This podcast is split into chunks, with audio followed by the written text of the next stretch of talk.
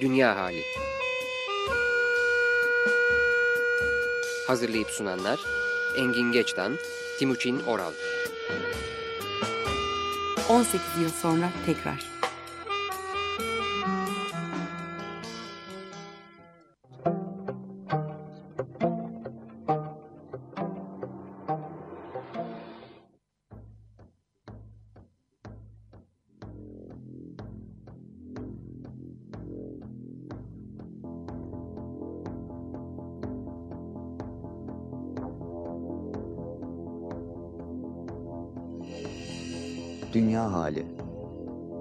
Hazırlayıp sunanlar Engin Geçtan, Timuçin Oral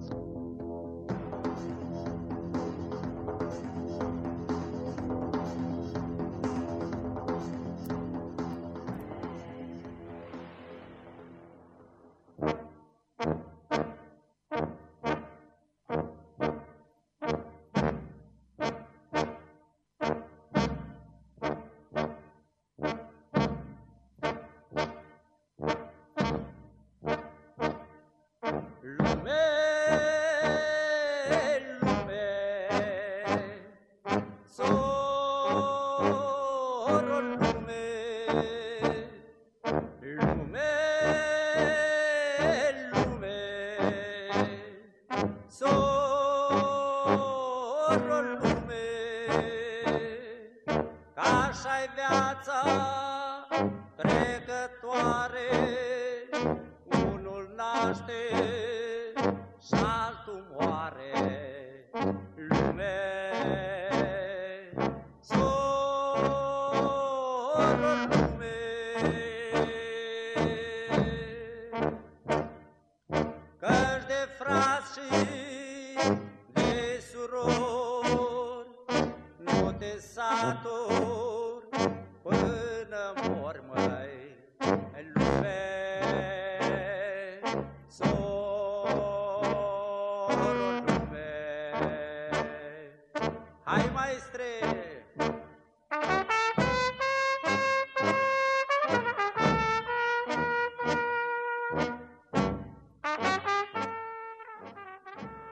Söz senin maestre. Ee, iyi akşamlar. Açık Radyo 94.9 ben Timuçin Oran.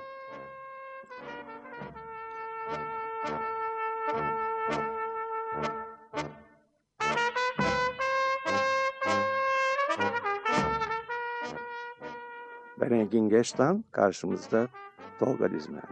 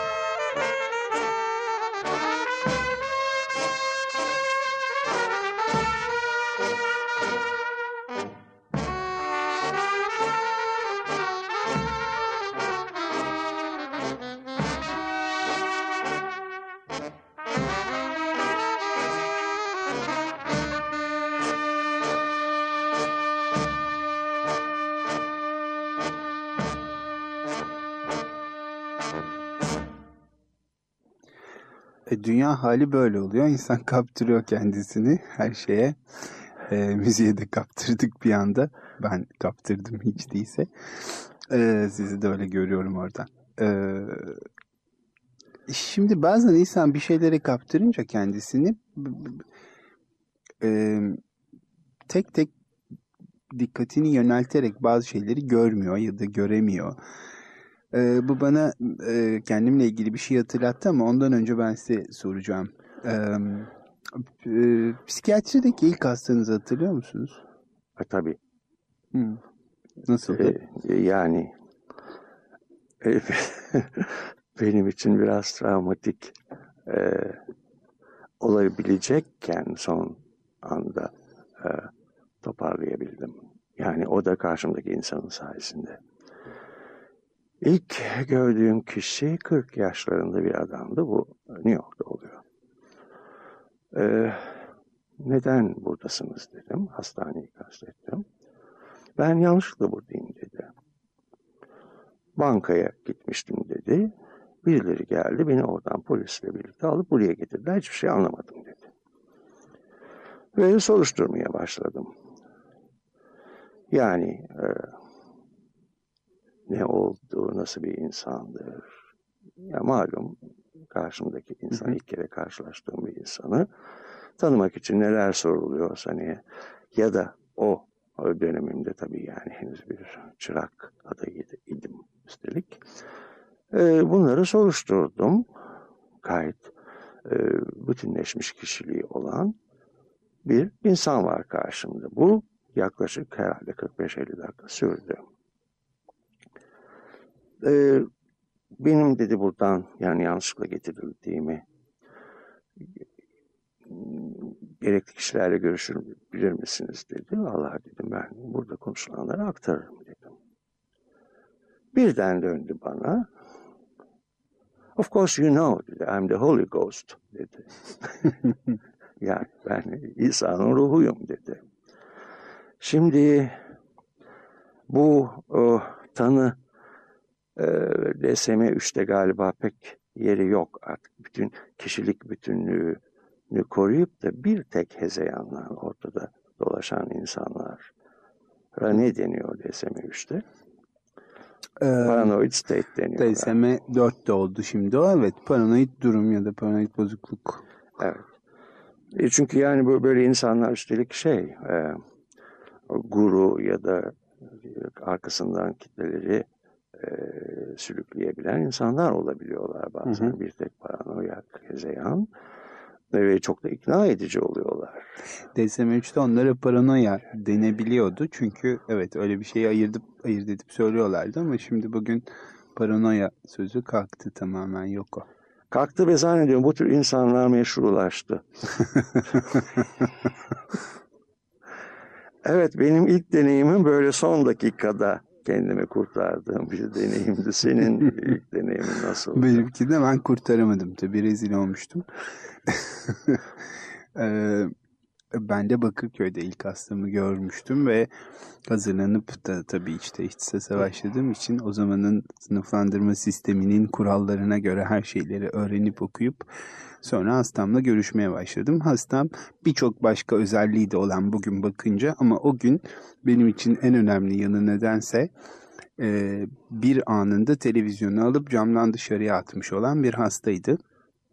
Ve ben hastayla görüşüp başka hiçbir şey bulamayıp televizyonu camdan at, aşağı atmış olmasına takılarak impuls kontrol bozukluğu yani dürtü denetleme bozukluğu tanısı koydum. Ee, kendimce çok iyi bir iş yaptığımı düşünmüştüm. Ee, o zaman yeni uzman olmuş, e, şimdi Elazığ'da çalışan bir meslektaşımız da tabii beni süpervize ediyor. Ee, benden daha e, üst konumda bir de baş asistanımız var. O e, dosyayı görünce kasıklarını tutarak gülmeye başladı. Dosyayı aldı baş asistanı götürdü ve dedi ki abi görüyor musunuz dedi 40 yıllık şizofrene işte dürtü denetleme bozukluğu tanısı koymuş. Ee, ben tabii kıpkırmızı olmuştum. Çok utanmıştım. Ee, şimdi sonradan düşündüğümde aslında e, daha sonraları o hastayla tekrar da karşılaştım Bakırköy'de çalıştığım yıllar içinde. Ee, en önemli şey bence çok o, o gün göz ardı ettiğim şey bütünü görememiş olmamdı. Çünkü şizofreni gibi bir e, büyük hastalık dururken onun içinde küçük bir parçasına takılıp bir ayrıntısına Dramatik olduğu için. evet, ve o gün beni o ilgilendirdiği için e, kolaylıkla öyle bir tanı koyabilmiş bütününü göz ardı etmiştim doğrusu. Parçayı bütün olarak görme eğilimi. Hmm, evet. Ee, bu bu sağ beyin sol beyin meseleleri var. Ee, Hı. daha çok sol beyinlere ait bir özellik olarak tanımlanıyor zannediyorum. Hı hı. Sağ beyinler bir daha bütünü. Analitik düşünen e, sol beyinliler daha matematik ağırlıklı düşünen Evet. Halbuki sağ beyinler e, daha artistik e, ve evet daha bütün görebilen kişiler. Şimdi biri dedi ki birkaç yıl önce bana, şimdi dedi işletmeciler dedi, sol beyinlileri dedi, sağ beyni yapmaya çalışıyorlar dedi yönetim açısından. Bunun nasıl yapılabildiğini tabii ben hiç bilmiyorum. Onlara kısa süreli programlar uyguluyorlar. Çeşit adı da geometrik e, bir şekil. O oluyor mu peki? ya sonucunu gördün mü sen? Evet gördüm. Ee, şöyle bir şey oluyor. Ee, büyük bir deşarj yaşanıyor ve o sırada da kişiler hakikaten kendi em, pek çok daha önce yüzleşmedikleri yanlarıyla yüzleşiyorlar ve ama ortada kalıyorlar. Çünkü çok kısa iki gün. Ha, İki iki gün- günde Tabii iki, iki üç günlük bir psikodrama prosesten geçiriyorlar. Evet, evet. Ee, Ortada kalıp ne oluyorlar? şöyle İyi bir oluyor. yönetici olabiliyorlar. Aha, yönetici olup olmadıklarını bilemiyorum. O tarafına tanık olmadım. Ama aralarında bana danışan kişiler de olduğu için oradan biliyorum. E, e, çok hoş ya da muhteşem bir hafta sonu geçirdik. Perişan olduk falan dediler. Peki ne oldu dedim. Muhteşem fakat perişan oluyorlar. Evet. Evet. Yani ağlaya ağlaya perişan oluyorlar. E, darmadağın oluyorlar. Fakat bu çok iyi geliyor. Yani çok hoşlarına gidiyor. E peki ne oldu? ne olduğunu bilmiyorum diyenler var aralarında. Ben ben de bilmiyorum doğrusu ne oldu. Bunu şey için söylemiyorum tabii eleştirmek için söylemiyorum. Çünkü o gözle hiç bakamıyorum ben. Yani böyle bir prosesten geçirilince insanlar yönetici olarak ne olurları ben değerlendiremiyorum. Benim doğrusu. de pek aklım ermedi. Onun için sana sordum hiç karşılaştın mı öyle kişiler diye ama yani o iki günlük e, e, workshop ya da adı neyse o- onları biliyorum. E, ama burada çok spesifik olarak şey yöneticilerin beyinli olmasında tabii ki yarar var. Hı hı. Ama örneğin e, süre gelen kültürün beklentileri aynı zamanda sol beyinliliğe Hı hı. eğilimli. Yani ben şeyi hatırlıyorum. e, 14 yıl aradan sonra New York'a gittim. O 14 yıl içinde hiç e, gitmedim. Ve eski meslektaşlarım yani birlikte çalışmış olduğum bazıları benden daha kıdemli onların bir ikisiyle buluştum. Ve bir iletişim kopukluğunu oldum, olduğunu gördüm aramızda. Yemek yedik mesela bir öğlen yemeği yedik. Olağanüstü bir fark. Yani onlar mesela Julius Corayn'ı hatırlıyorum. Chief Scientist of New York State olmuş. Ee, nörofizyolojide. Ama bir konuda derinliğine gitmiş. E, bütünden haberi yok. Üstelik derinliğine gittiği şeyin bütünün içindeki yerinden haberi yok. Hı hı. Hı hı. Şimdi e, benim konumum ise her şeyi kendin yapman gereken bir ülkedeyim. Böyle imkanlar Evet. tanınmadığı için her şeyle birden uğraşmak durumundayım. Ama bunun bana kendimce o yaşı göz önünde bulundurursak tür bir felsefe de edinmemi sağlamış olduğunu bunun adını şimdi sonradan koyuyorum o zaman değil. O zaman bu kopukluğu e, kötü yaşadım tabii Hı yani. Başka başka anlamıyorum şeylerini, konuştuklarını. Onlar benim onları anlamadığımı anlamadılar. Doğru. Beklenebileceği gibi. Ee, şimdi e, bir bu- buraya geçmeden önce bir şey söylemek istiyorum. Ee, e, böyle gökten inercesine bir kitap armağan edildi bana. Bir dostum şeyde Londra'da dolaşırken bu kitabı görmüş ve içinden içinde ne olduğunu bilmeden bana almış. Başlığı mı hoş? E, başlığı e, Knowing How to Know, Bilmeyi Bilmek. İdris Şah'tan bir kitap. E, yani anahtar kilidi tam uydu. Daha baş, çok başındayım yani giriş kısmındayım. Bu oluyor kitapla ilgili bana. Önerilen kitaplar ya da daha ender olarak armağan edilen kitaplar sanki benim ne aradığımı biliyorlarmış da öyle almışlarcasına bir uyum oluyor. Bunu nasıl olabildiğini tabii ben bilmiyorum ama e, bir kere o kitaplardan haberdar olmak ya da sahip olmak çok hoşuma gidiyor. Ayrıca yapılmış olan seçimlerden ötürü kendimi bir tür anlaşılmış hissediyorum. Evet, evet. O da Evet. çok önemli bir şey değil Evet, mi? evet. Evet. Oradan e, bir şeyler okumak istiyorum. Burada şeyi vurgulamış. Okumak değil de e, aktarmak istiyorum. E, çok önemli bir ilkeden söz ediyor. Diyor ki hepimiz diyor dünyada diyor bir şeyleri dahil ederiz algılama alanımıza bir şeyleri dışta tutarız diyor. Şimdi bu o,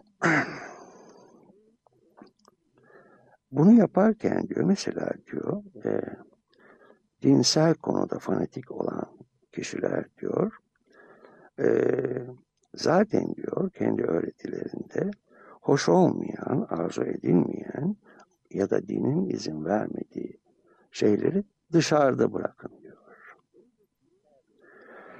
Böyle bir e, dışlama tabii ki insanın kendisini dünyadan dışlaması ya da dünyayı kendisinden dışlaması anlamına geliyor. yani diyelim ki hiç kötü insanlarla karşılaşmamam gerekiyor. Hı hı. Ee, dini bir anlamı olmayan e, yapıtlarla ilgilenmemem gerekiyor.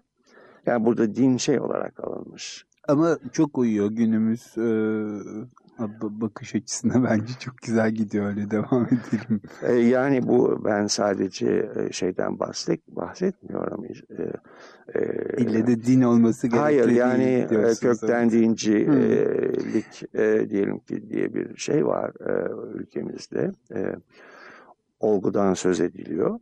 Ama yani ben e, internette bir e, adını söylemeyeyim bir psikiyatri içinde ve psikoloji içinde bir gruba girdim. Ve bir kavganın içine düştüm o forumda. Kansas'ta e, Darwin şeyden çıkarılmış. Müfredattan çıkarılmış. Hı hı. Şimdi yaratılışçılarla Darwinistler arasında süren bir kavganın içine. Başta bana çok ilginç geldi. Şimdi biz bunları bilmiyoruz tabii kendimizle o kadar Meşgul. doluyuz ki meşgulüz ki başka yerlerde neler oluyor yani e, internet sayesinde yani e, bazen haberdar olabiliyoruz bu kadar spesifik durumlardan. Sonunda beni sıktı çünkü onlar e, çok fazla somut meseleleri olmadığı için bir mesele bulunca aylarca uğraşıyorlar biliyorsun. Evet. Sonunda Darwin tekrar müfredata alındı fakat kavga devam etti. Ben de şeyden gruptan kaydımı sildirdim. Bu konuya devam ederiz ama Bir şey dinleyelim önce.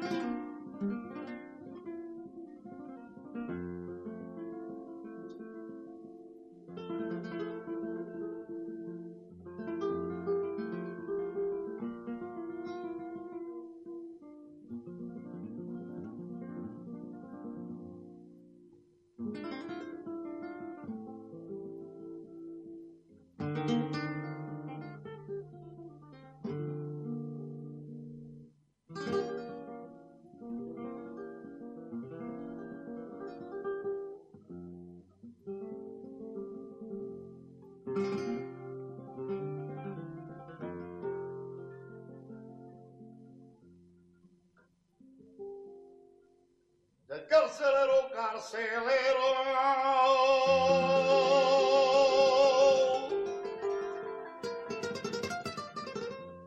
Carcelero, carcelero.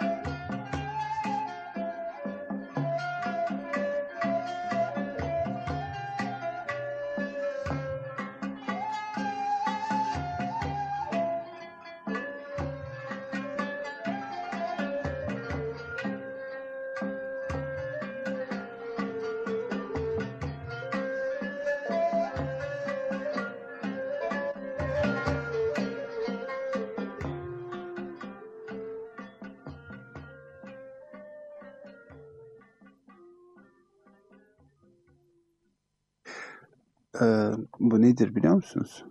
Biliyorum. Ee, bu Sufi müzikten flamenkoya belki bilmeyenler vardır. Ee, Tahir Aydoğdu ve Erik Warzon Morel'in birlikte yaptıkları bir şey. Kutsi Ergüner yok mu? Ee, Kutsi Ergüner'de olacak. Yok, hayır yok. Yok, hayır. Ben bu fikir onundu diye biliyorum. Belki de. Neyse. Ben de sanki gördüm gibi düşünüyordum ama hayır yok. Yok. Demek birileri daha bunu düşünmüş. Evet, belki de. Ee, e, çünkü ben e, bu flamenko ve tasavvuf müziği daha doğrusu karışımı olan e, konseri Aya İrini'de Hı hı. izledim. Seçimim olarak da değil aslında bir sinema ile ilgili bir programa katılmam isteniyordu. E, Glenn Gould sevdiğim bir piyanist. E, fakat yani onun psikiyatrik yorumunu yapmam falan isteniyordu. Olacak şey değildi bana göre. E, En sevdiğiniz şey. Çok da hoş bir insandı programı yapan kişi. E, işte kırmadan dökmeden o şeyi nasıl katılmayabilirime e, halledeyim derken orada sonlandım. E, e, ve dinleme fırsatını ol, buldum yani. Fakat sonunda programa ben katılmadım. E, İdil Bilet katıldı e, ve Glenn Gould'un piyano tekniği üzerine çok güzel şeyler anlattı. Psikiyatrik yorum yapmadı inşallah diyecek. E, yani e, şöyle bir e, çok e, İdil Bilet zarif bir şekilde değindi konuya. Yani kendine özgü bir kişiliği olduğunu. O kadar. Evet sen e, Ona devam ediyorduk birden aklıma evet. benim aklıma onunla birlikte başka bir şey de geldi. Sen e, dışarıda şey dedin. Nereye gittin? Depresyon anlatmaya. Ha bugün bir sağlık ocağına gittim doğru. Evet.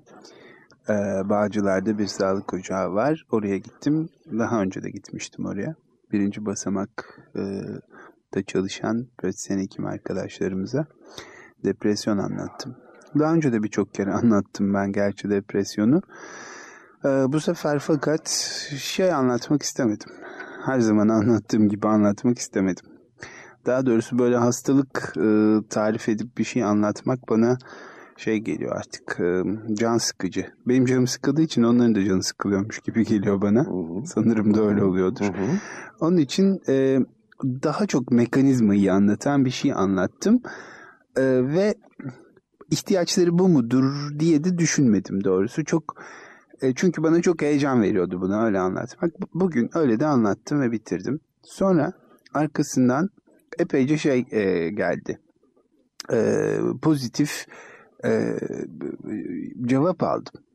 Yani Aa, çok iyi oldu hiç böyle dinlememiştik filan gibi ve ben aslında bunu da biraz şaşırdım doğrusu. Hiç böyle bir şey de beklemiyordum. Ee, ama bu daha önce de yaşadığım şey. Yani bir şeyi çok böyle canla, heyecanla ve çok isteyerek e, kendimi onun parçası gibi hissederek e, yaparsam genellikle cevabı böyle oluyor. Yani Göremiyorum o sırada onu ama görememen zaten iyi yönü herhalde. Evet, herhalde. bence.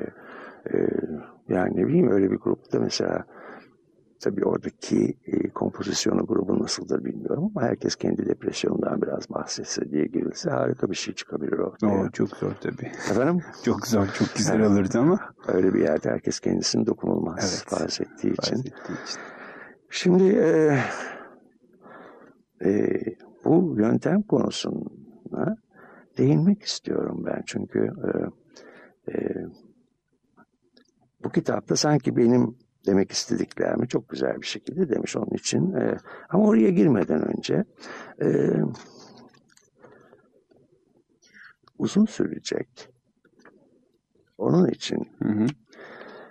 e, Flying Bulgar Klezmer Band'de geleneksel bir Yahudi var ezgisi. Yamlit.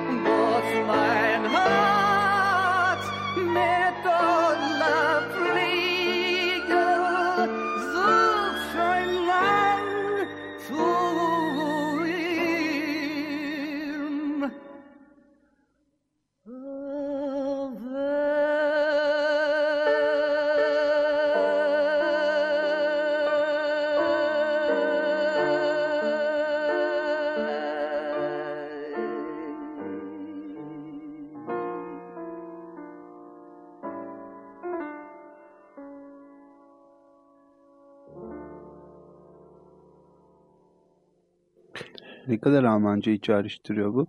Yidiş. Hı. Ee, giderek e, kaybolan bir dil olduğunu söylediler. Birisi ne kadar doğru bilmiyorum. Olabilir çünkü e, e, Yidiş e, o- Orta Avrupa daha çok Merkezi Avrupa'da kullanılan bir dildi. Tabii e, şimdi genç Yahudiler kendi kimliklerini pekiştirmek istedikleri zaman doğrudan İbranice öğreniyorlar sanıyorum.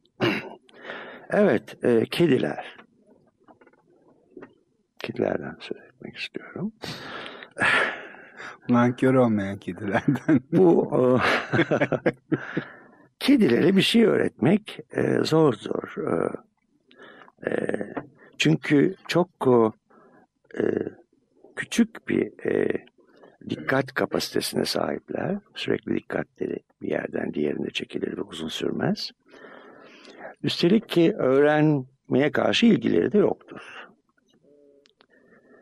E, dolayısıyla onlara çok fazla şey öğretilemez deniliyor. Bir grup kediyi alıp buna rağmen bazı şeyleri yapmaları sonuç olarak öğretilmiş. Ee, ve bunu öğrenmeleri için gereken sürede ölçülmüş. Sonra bu kedilerden yani öğrenmiş kedilerden bir ikisi alıp ne alıp e, eğitilmemiş kedilerin bulunduğu ama bu kediler aynı yaşta, aynı gruptan hatta aynı aileden olan kediler. Aynı odaya konulmuş. Sonra bu öğrenmemiş kediler, eğitilmemiş kediler de eğitilmiş. Ee, ama önce bir fırsat tanınmış ki eğitilmemiş kediler, eğitilmiş olan kediyi ya da kedileri gözlemlemeleri için yeterince bir süre tanınmış. Arkasından eğitilmemiş kediler eğitildikleri zaman 50 defa daha hızlı, kısa sürede eğitilebildikleri görülmüş. Dolayısıyla onlar eğitilmiş olan kedilerle olan beraberlikleri ve ilişkilerinden ötürü bu hızı, öğrenme hızını kazanabilmişler. Şimdi e, orta çağlarda diyor kitapta e, büyük artistler, büyük düşünürler etrafında hep öğrencileri olurmuş. Onlara hayran olan öğrencileri. Onlarla birlikte zamanlarını geçirirlermiş. Hatta ona hizmet ederlermiş. Onunla birlikte çalışırlarmış ve bu arada da bir şeyler öğrenirlermiş. Ve sıraları geldiği zaman kendileri Hı. master olurlarmış. Şimdi e, bugün e, Batı dünyasında bu tür bir eğitim artık mümkün değil. Usta çırak ilişkisi yok. Usta çırak ilişkisi yok. Ee, bir şey öğrenmek istiyorsanız birinden kendi mesleğinin en zirvesinde ya da zirvesinde olan birine gidiyorsunuz. O da size, buradaki ifadeyi kullanıyorum, propaganda, tekrarlama ve anksiyete karışımı bir şeyler sunuyor. Biraz acımasız ama burada öyle yazıyor. Ee, Şimdi e, tabii bu o, özellikle diyor yazar yani bu insanlar bilgi edinme ya da öğrenmekten daha çok bu tepede olan kişinin kendine tanınmış olan önem dolayısıyla kendisinin de farkında olduğu önemle karşılaşıyorlar. Yani kendine atfettiği önemi yaşıyorlar. Ya da ona atfedilmiş olan önemden ötürü o kişi önemli oluyor. Hı hı. Ama bu öğrenme sürecinin bir parçası olamaz tam tersine öğrenme sürecini keser diyor. Şimdi tabii bu o, bana önemli geliyor çünkü kendi biraz daha konuşacağım bu konuda uzun bir konu bu aslında ama e, kendi formasyonuma baktığım zaman geriye dönüp üç belki de dört kişi geçmişte ben ne öğrendim e, eğitimim sırasında? Bir kere e, psikoterapi e, süpervizörüm olan, eğitimcim olan Alfred Messer'den tarz öğrendim. Hı hı. Ama orada da şanslıydım çünkü uyan bir şey vardı. Yani üç kişi daha vardı o grupta. Ee, onlar bir şey anlamadılar şeyden. O tarzdan onun çok farkındayım ben. Benimki tuttu. Hı hı. Ee, ve e, onun tarzı benim kendi edindiğim tarz. Kendi tarz edinmeme çok etkili. Yani her zaman çok anlıyorum. Bir başkasından başka bir şey öğrendim. Nörolojide. Hı hı. Ee, vaka takdimi yapılıyor. Genç bir asistan. Beyinde sarkoidozis tespit etmiş. Sarkoidozin ne olduğunu açıklar mısın sen? Ee, şöyle herhalde açıklanabilir. Bir çeşit kronik tüberküloza benzer ve e, belli e, iltihabi odaklar yaratarak çok merkezde Eskiden ama çok eskiden çok parazitik olarak düşünülürdü, düşünülürdü, değil. Ama evet. flütik galiba. akciğer ağırlıklı başlayan Evet. ama vücuda yayılabilen bir e, Evet, enfeksiyon yani beyinde olması fevkalade ender. Hı hı. Ee, Maurice Bender asistanı dedi ki bize anlat dedi. Ben bu çok ünlü bir nörologtu. Bugüne kadar dedi sadece bir beyinde bir sarkoidozis vakası gördüm Hı hı. dedi. Şimdi bu bana çok şey öğretti. Çünkü e, yani e, sadece kendi muhakkak ki sarkoidozis hakkında çok şey okumuş. Ama asıl bildiği kendisinin ne gördü. Hı hı, hı. Ee, yine bu konuda Morris Bender'e şükran borçlu hissediyorum mesela kendimi. Bir de genel psikiyatri yaparken Naum Katz mesela şey e, ben, e, daha çok kronik hastalarımızda bir hastanedeydik haftanın bir bölümü. Gece bazen ondan yürüyüş yapardık. Benden çok büyük uzman, bayağı şey tecrübeli bir psikiyatrist. Hatta karda yürüdüğümüzü falan hatırlıyoruz. Psikiyatriden şuradan buradan konuşuyoruz. Sonra döner Mrs. Katz bize konyak sorulardı falan. O yürüyüşleri hatırlıyorum ve bana ne kadar çok şey kazandırmış olduğunu farkına varmadan. Orada bir dostluk vardı, bir sohbet vardı, bir şey vardı ama konu psikiyatri etrafındaydı. Ee, bunları hakikaten Loretta Bender çocuk, ünlü çocuk psikiyatristi döneminin ondan da araştırmacılığın ne olduğunu Hı hı. yani kendini araştırmaya vakfetmenin ne olduğunu öğrendim ama ben kendim bir araştırmacı olmadım. Ee, tabii geri dönüp baktığım zaman bu sadece psikiyatriyle ilgili olarak ama birçok insanın bana pek çok şey öğrettiğini ve farkına varmadan sunmuş olduğunu Evet. En önemli kısmı da En bu galiba zaten o. değil mi? Evet. Yaşarken öğrenmek. Evet. E, Sarı Gelin'in Azeri versiyonu Gülay söylüyor.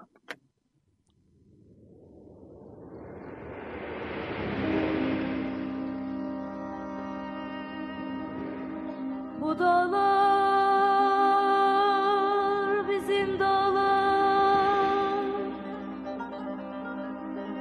Bu dağlar bizim dağlar. Çeşmeli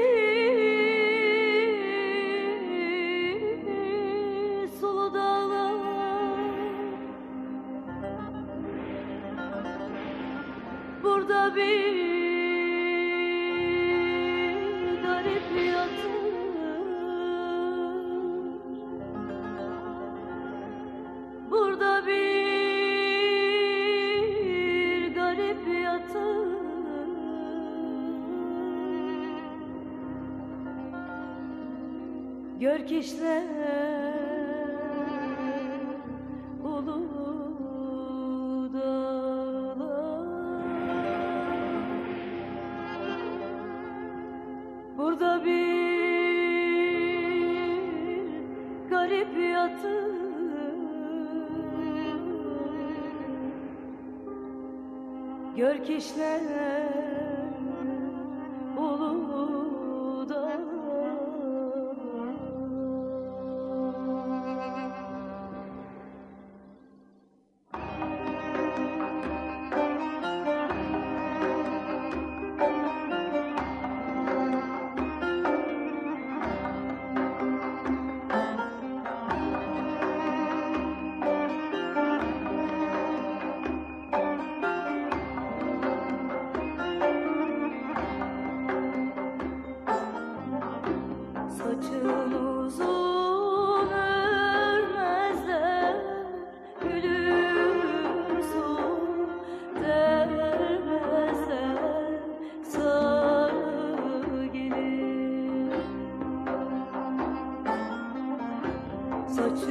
Jesus.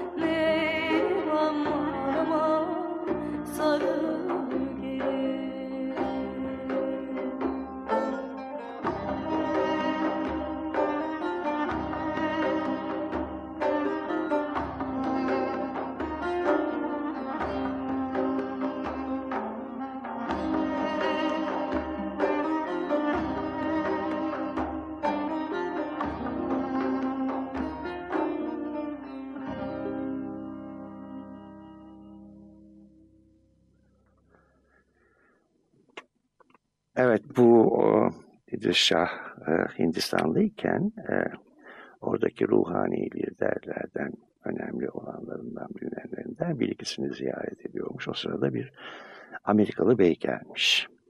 Ki Hindistan'a gelebilmek için yani çok şeyler özverilerde bulunmuş. Ve e, onun gelişiyle haber verilmiş, alınmış içeriye. Guru'ya dönüp demiş ki, söyleyin bana bir guru nedir? Bir guruyu nasıl tanıyabilirim? Dünyadaki en büyük guru kimdir? Bütün öğrenmek istediği de buymuş. Ee, İsmail Şark diyor ki sürekli ben bu tür sorulara kendim de muhatap olurum diyor. Kitaplarımı okuyan kişilerden ötürü diyor. Guru, Hintli guru gülümsemiş ve Amerikalıya demiş ki şimdi sana söyleyeceğim şey demiş pek hoşuna gitmeyecekti demiş. Ee, umarım sen buraya hoşnut olmak için gelmemişsindir demiş. Hayır demiş Amerikalı asla ben gerçeği istiyorum demiş. Peki demiş cevap şu. Eğer jungle'da yürüyorsam bir keçi yolu mu denir ona? Evet keçi yolunda ve yolda bir kaya parçacığı varsa ayağım ona takılıp düşersem ondan bir şey öğrenmiş oluyorum diyor. Yani nereye gideceğimi dikkat etmem gerektiğini öğrenmiş oluyorum diyor. Dolayısıyla diyor o taş parçası da benim gurumdur diyor. Hı hı. Çünkü bana bir şey öğretmiştir. Bunun bir kişi olması, bana bir şey öğreten biri olması ya da öğretmesi olası birisi olması gerekmez diyor. Eğer bu bir taşsa taştır. Ama siz, sen diyor galiba diyor, e, insanlarla ilgilisin taşlardan çok. Evet, Tanrı insanlarla ilgilisin diyor. Guru diyor, kendisinden bir şey öğrenmiş olduğun kişidir diyor. Ondan bir şey öğrenmeyi umduğun ya da ona başkaları saygı gösterdiği için saygı gösterdiğin biri değil diyor. Ee, eğer öğrenmezsen öğretmen de yoktur diyor. Şimdi e, 3-4 yıl önce Timuçin şey Çapa'da bir sempozyumlar yapılıyor biliyorsun. Hı hı. Benden bir konuşma istediler. Oradaki bunları düzenleyen genç meslektaşımız var. Yani bana göre genç. Ee, gittim. E, konuşmadan önce oturuyoruz. Dedim ki niye beni bu, buralara çağırıyorsunuz dedim. Pek gitmiyordum öyle yerlere o dönemde biliyorsun. Sonradan biraz e, açıldım. Fakat kim bilir kitabı aşağı yukarı tamamlanmıştı. İlk bölümünü ana hatlarını sunmayı düşünüyordum. Ne oluyor ki ben buraya gelince dedim. Ee, dedi ki bana siz konuştuğunuz zaman en büyük kalabalık geliyor dedi. Peki sonra ne oluyor dedim.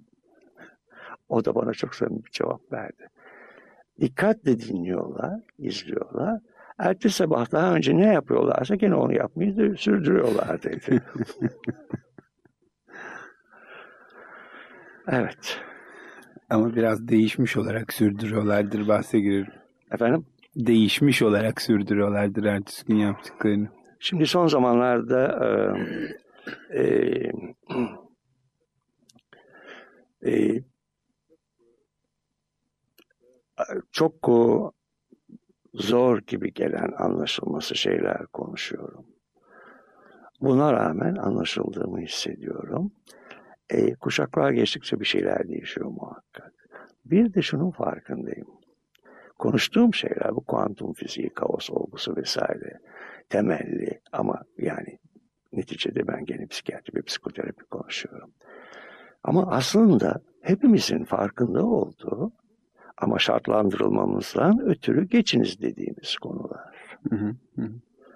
onun için hayretle görüyorum ki artık hayret etmemeyi de öğrendim bu konuda.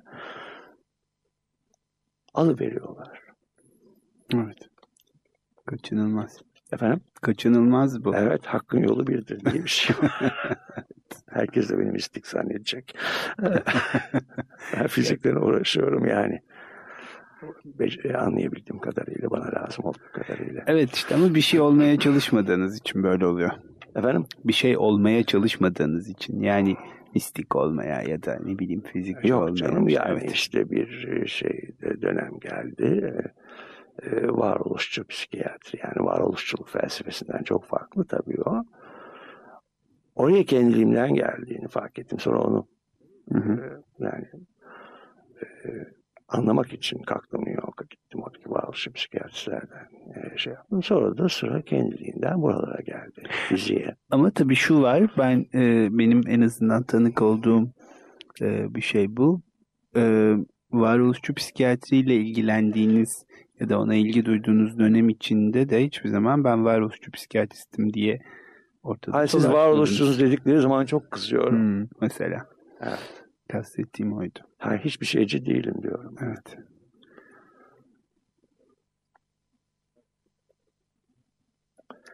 Evet. e, e, Çin işi, Japon işi bir e, caz dinlemek ister misiniz? Bu arada orada çalan enstrümanın adı erhu. Çok e, kemençeye benzeyen. E, resmini gösterdim Timuçin'e. O ne, ne dedin sen? Kemençenin kontrbas formu. Kontrbas Ee,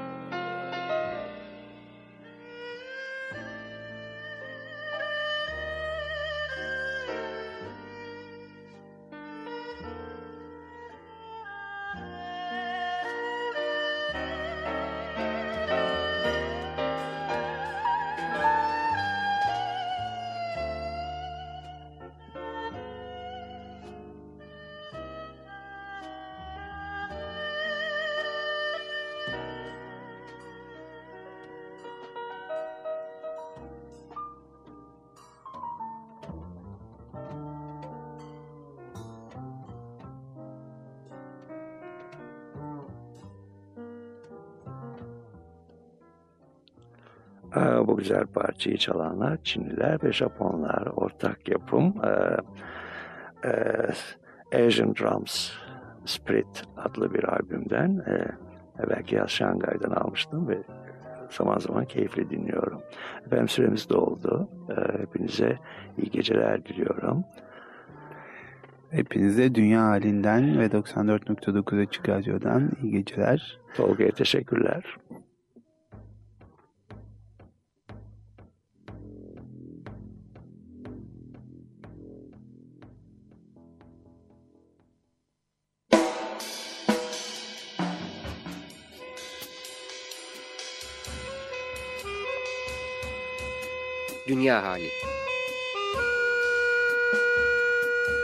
Hazırlayıp sunanlar Engin Geçtan, Timuçin Oral 18 yıl sonra tekrar.